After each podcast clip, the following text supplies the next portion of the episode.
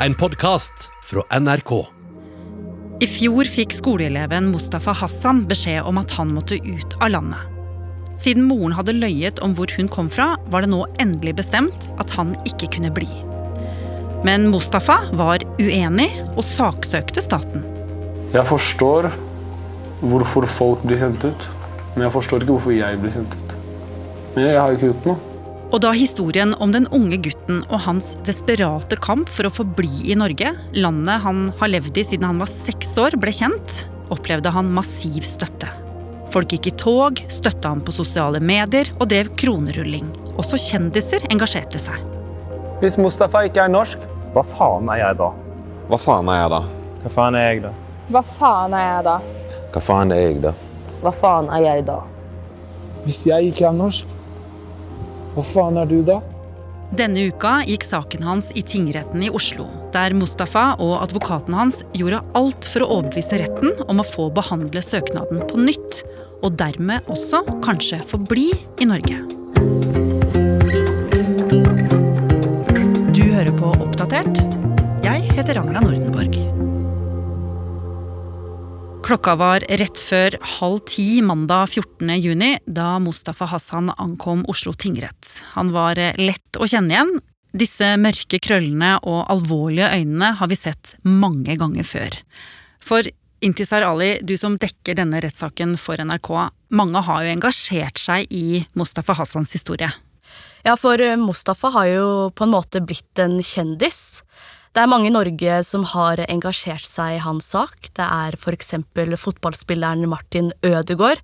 Han er en av de som heier på 18-åringen. Og så har han mange støttespillere i lokalsamfunnet i Asker, like utenfor Oslo, og det er der han har vokst opp. Og hva er det denne rettssaken dreier seg om? Den handler om at eh, Mustafa Hassan han har gått til sak mot eh, UNE, altså utlendingsmyndighetene, som er en klageinstans. De mener at et avslag eh, på opphold i Norge for Mustafa er innafor, og det er Mustafa helt uenig i. Og hva er det som står på spill for ham? Hvis eh, Mustafa taper denne saken, så kan han bli sendt til Jordan. For det er der han har eh, papirer fra. Han har et statsborgerskap fra Jordan. Og det kan skje allerede i juli. Men eh, hvis han vinner, får 18-åringen et nytt håp, for da vil søknaden hans om opphold i Norge bli behandlet på nytt. Ja, Og hvorfor er det så innmari viktig for Mustafa å få bli i Norge? Han har jo vært i Norge store deler av livet sitt. Han kom hit som seksåring. Det er her han har vennene sine. Det er her han har gått på skole. Det er her han har spilt fotball, lagd musikk og sett for seg å lage en fremtid. For han er det helt krise å bli sendt tilbake til Jordan. Han eh, kan ikke snakke språket arabisk, og det er jo den norske kulturen han eh, kan, ikke den jordanske, mener han selv. Og da saken hans starta nå mandag 14. juni, så var det jo tydelig at advokaten hans hadde forberedt seg godt. Ja, Mustafas advokat han hadde en lang liste med folk som skulle vitne. Det var eksperter på jordansk kultur, sakkyndige på psykisk helse, støttespillere og venner fra barndommen. Og alt dette var jo i håp om å overbevise retten om at 18-åringen eh, må få bli i Norge. I 2008, da Mustafa var seks år, kom han og tre eldre brødre til Norge sammen med moren. Moren fortalte at hun var statsløs palestiner. Familien fikk midlertidig oppholdstillatelse. En eh, ordning som også sier at man etter tre år kan søke permanent opphold i landet man har kommet til. Familien bosatte seg i Asker, rett utenfor Oslo. Her skulle altså Mustafa starte sitt norske liv. Og han begynte på skolen og lærte seg raskt norsk. Og livet så egentlig ut til å gå ganske bra men etter fire år, da Mustafa gikk i femte klasse og var ti år, skjedde det noe som snudde opp ned på alt. Moren ble konfrontert av UDI, Utlendingsdirektoratet, som hadde tatt en sjekk på henne, og de mente at de hadde bevis for at hun løy da hun søkte opphold i 2008. UDI mente hun var fra Jordan og ikke Palestina, som hun hadde oppgitt da hun kom til Norge. Dermed hadde ikke hun og familien rett til opphold og beskyttelse, ifølge loven. For kjernen i denne loven er at norske utlendingsmyndigheter mener man ikke skal oppgi feil informasjon når man søker opphold. Og de var klare på at moren hadde løyet. Og Intisar, dette har jo vært et eh, viktig tema for eh, advokaten nå i rettssaken. Ja, advokaten peker på at det var moren som løy, at det var moren som oppgav feil opplysninger da hun kom til Norge. Han mener at Mustafa aldri har løyet. Mustafa var jo et barn da han eh, kom til landet, og han kan ikke straffes for morens løgner, mener advokaten. Og advokaten brukte jo også tid i retten på å forklare hvorfor moren hadde løyet om hvor hun kom fra. Ja, hun var jo selv vitne i retten via videolink, og hun fortalte at hun opprinnelig var statsløs palestiner, men at hun hadde blitt tvangsgiftet med en jordansk palestiner som var voldelig. Og hun visste at bare statsløse palestinere kan få opphold i Norge, og hun mener at det er grunnen til at hun unnlot å fortelle om det jordanske statsborgerskapet. Hm. Og Mustafas advokat han hadde til og med hentet inn jordanske spesialister for å forklare om tvangsekteskap og hvordan kulturen er der borte, for det har litt å si for denne rettssaken, mener i hvert fall advokaten hans. Da UDI fant ut at moren hadde løyet i 2008, trakk staten familiens midlertidige oppholdstillatelse. Men fordi moren mente at hun hadde flyktet fra en voldelig ektemann, og tross alt var statsløs palestiner i utgangspunktet, så anket hun avgjørelsen. Og saken endte i rettssystemet i flere runder over flere år. Og mens dette sto på, så begynte både moren og barna å slite. En av brødrene havna hos barnevernet, og Mustafa fortalte i retten om en usikker barndom preget av mye flytting og møter med voksne i barnevernet, UNE og hos politiet. Og han trakk også fram at han hadde bodd både på barnevernsinstitusjoner og hos vertsfamilier. Og Mustafa fortalte også at han fant mye trøst i musikk, siden familie- og bosituasjonen var ustabil. Har du noen gang følt på det jeg føler nå? Brøler ifra kroppen, fortsatt ingen hører på.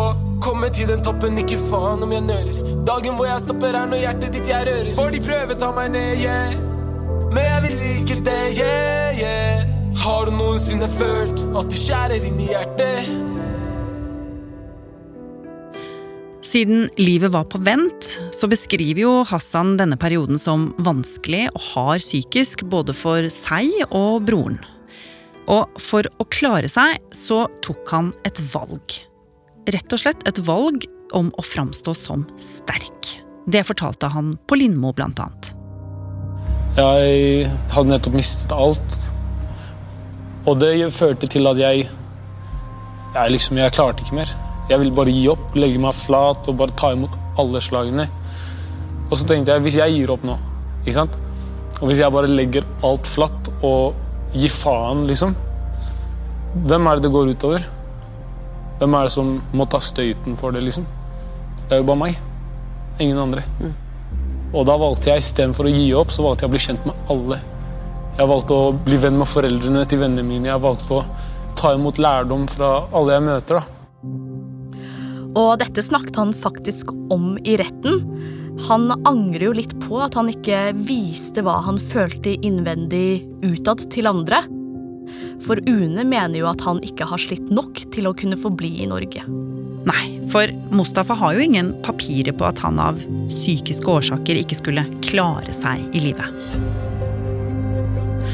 Men i retten fortsatte jo advokaten å nøste i fortiden til Mustafa.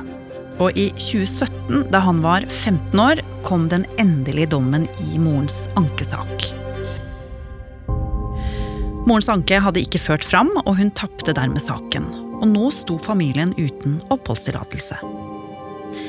Og samme år ble Mustafas to eldre brødre sendt til Jordan.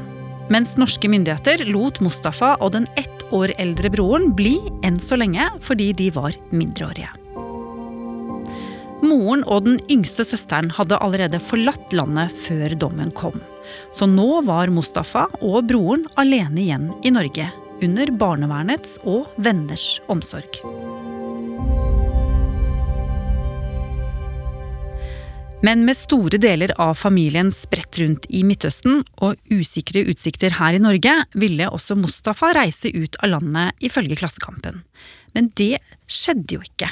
Hvorfor ikke, Intisar? I retten så kom det frem at han den gang tok kontakt med en organisasjon som heter IOM, International Organization for Migration, og de hjelper til med å bistå utlendinger eh, med assistert retur. Men det krever jo at det skal være noen som tar Mustafa imot, og de prøvde å få tak i moren og andre folk som kunne være verge, noen som kunne ta han imot på flyplassen. Det var jo en forutsetning siden Mustafa var mindreårig. Men de fikk ikke tak i noen, og dermed kunne de ikke hjelpe Mustafa med assistert retur til Jordan. Og siden han ikke fikk hjelp til å reise til Jordan, et land han sier han ikke har noe forhold til, så satset Mustafa alt på å bli i Norge. Og i 2018 så søkte både Mustafa og broren Abdel opphold. Og to år etter, i 2020, så fikk Mustafa, som da var 18 år, et brev fra utlendingsmyndighetene. Men da han åpnet brevet, ble han veldig skuffa. Der sto det at han ikke fikk oppholdstillatelse. Men broren, som hadde søkt samtidig, han fikk innvilget opphold. Og det mente Mustafa og mange rundt ham var blodig urettferdig. Ja, og i rettssaken så har jo dette vært et viktig poeng. Mustafa han har fortalt at han ikke helt skjønner hvorfor han og broren har blitt behandlet ulikt når begge har vært her like lenge. Begge har jo gått på skole her, lært seg språket, blitt en del av en vennegjeng. Ja, og advokaten brukte jo tid på dette i retten og peker på det de mener er forskjellsbehandling mellom disse to brødrene.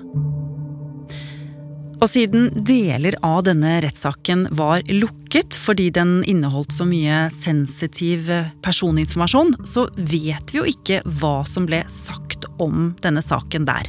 Men tidligere så har UNE sagt at disse to må behandles som hvert sitt tilfelle. Det er ikke noe automatikk i at dersom den ene broren får bli, så skal den andre også få bli. Ok, Intisar, nå har vi lært eh, hva hovedpunktene i argumentasjonen til Mustafa og hans advokat var i retten. Men motparten, de norske utlendingsmyndighetene, hva var det de argumenterte med? UNE, som har behandlet avslaget til Mustafa, de mener at de har gjort alt riktig. For eh, sånn som de ser det, så har han aldri hatt rett til opphold i Norge fordi moren ikke fortalte sannheten da familien kom i 2008. UNE mener også at Mustafa ikke har rett til opphold basert på humanitært grunnlag, og uten opphold må han ut av landet. Og så er det viktig å si at utlendingsmyndighetene mener de har tatt menneskelige hensyn nettopp ved å utsette utsendelsesdatoen flere ganger. Siste gang slik at Mustafa kunne bli ferdig med videregående.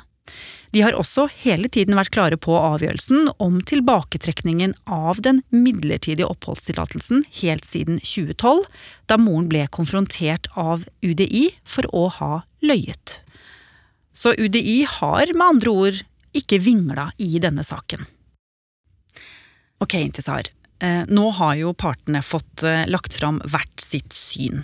Og så skal jo retten bestemme da, eh, om han skal få behandle saken sin på nytt, eller om Mustafa rett og slett må reise ut av landet. Så det er jo enormt mye som står på spill for Mustafa i disse dager. Og når kan vi vente en dom? Det kan ta tre til fire uker, men eh, det er jo en litt vanskelig sak, så vi er ikke helt sikre. Nei. Og du har jo snakket mye med Mustafa fordi du har dekket saken både nå, men også opp gjennom årene.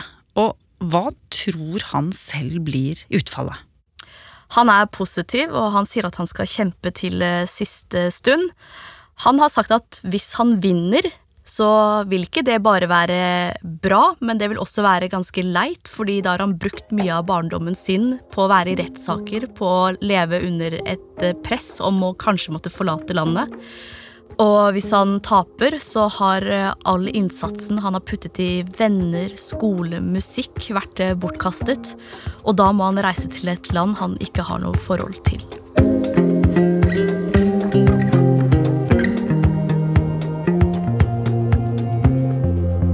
Har du lyst til å bli fast lytter av oss i Oppdatert og få påminnelse om nye episoder, er det bare å følge oss i NRK radioappen. Og så er det veldig hyggelig hvis du vil anbefale oss til en venn. Oppdatert er en podkast fra NRK Nyheter, og denne episoden er laget av Dang Trind, Bendik Hansen, Pål Gauslå Sivertsen, Andreas Berge og meg, Ragna Nordenborg. Knut Are Tornås er redaksjonssjef. Vil du kontakte oss, gjør gjerne det på oppdatert krøllalfa nrk.no. Du har hørt en podkast fra NRK. Hør flere podkaster og din favorittkanal i appen NRK Radio.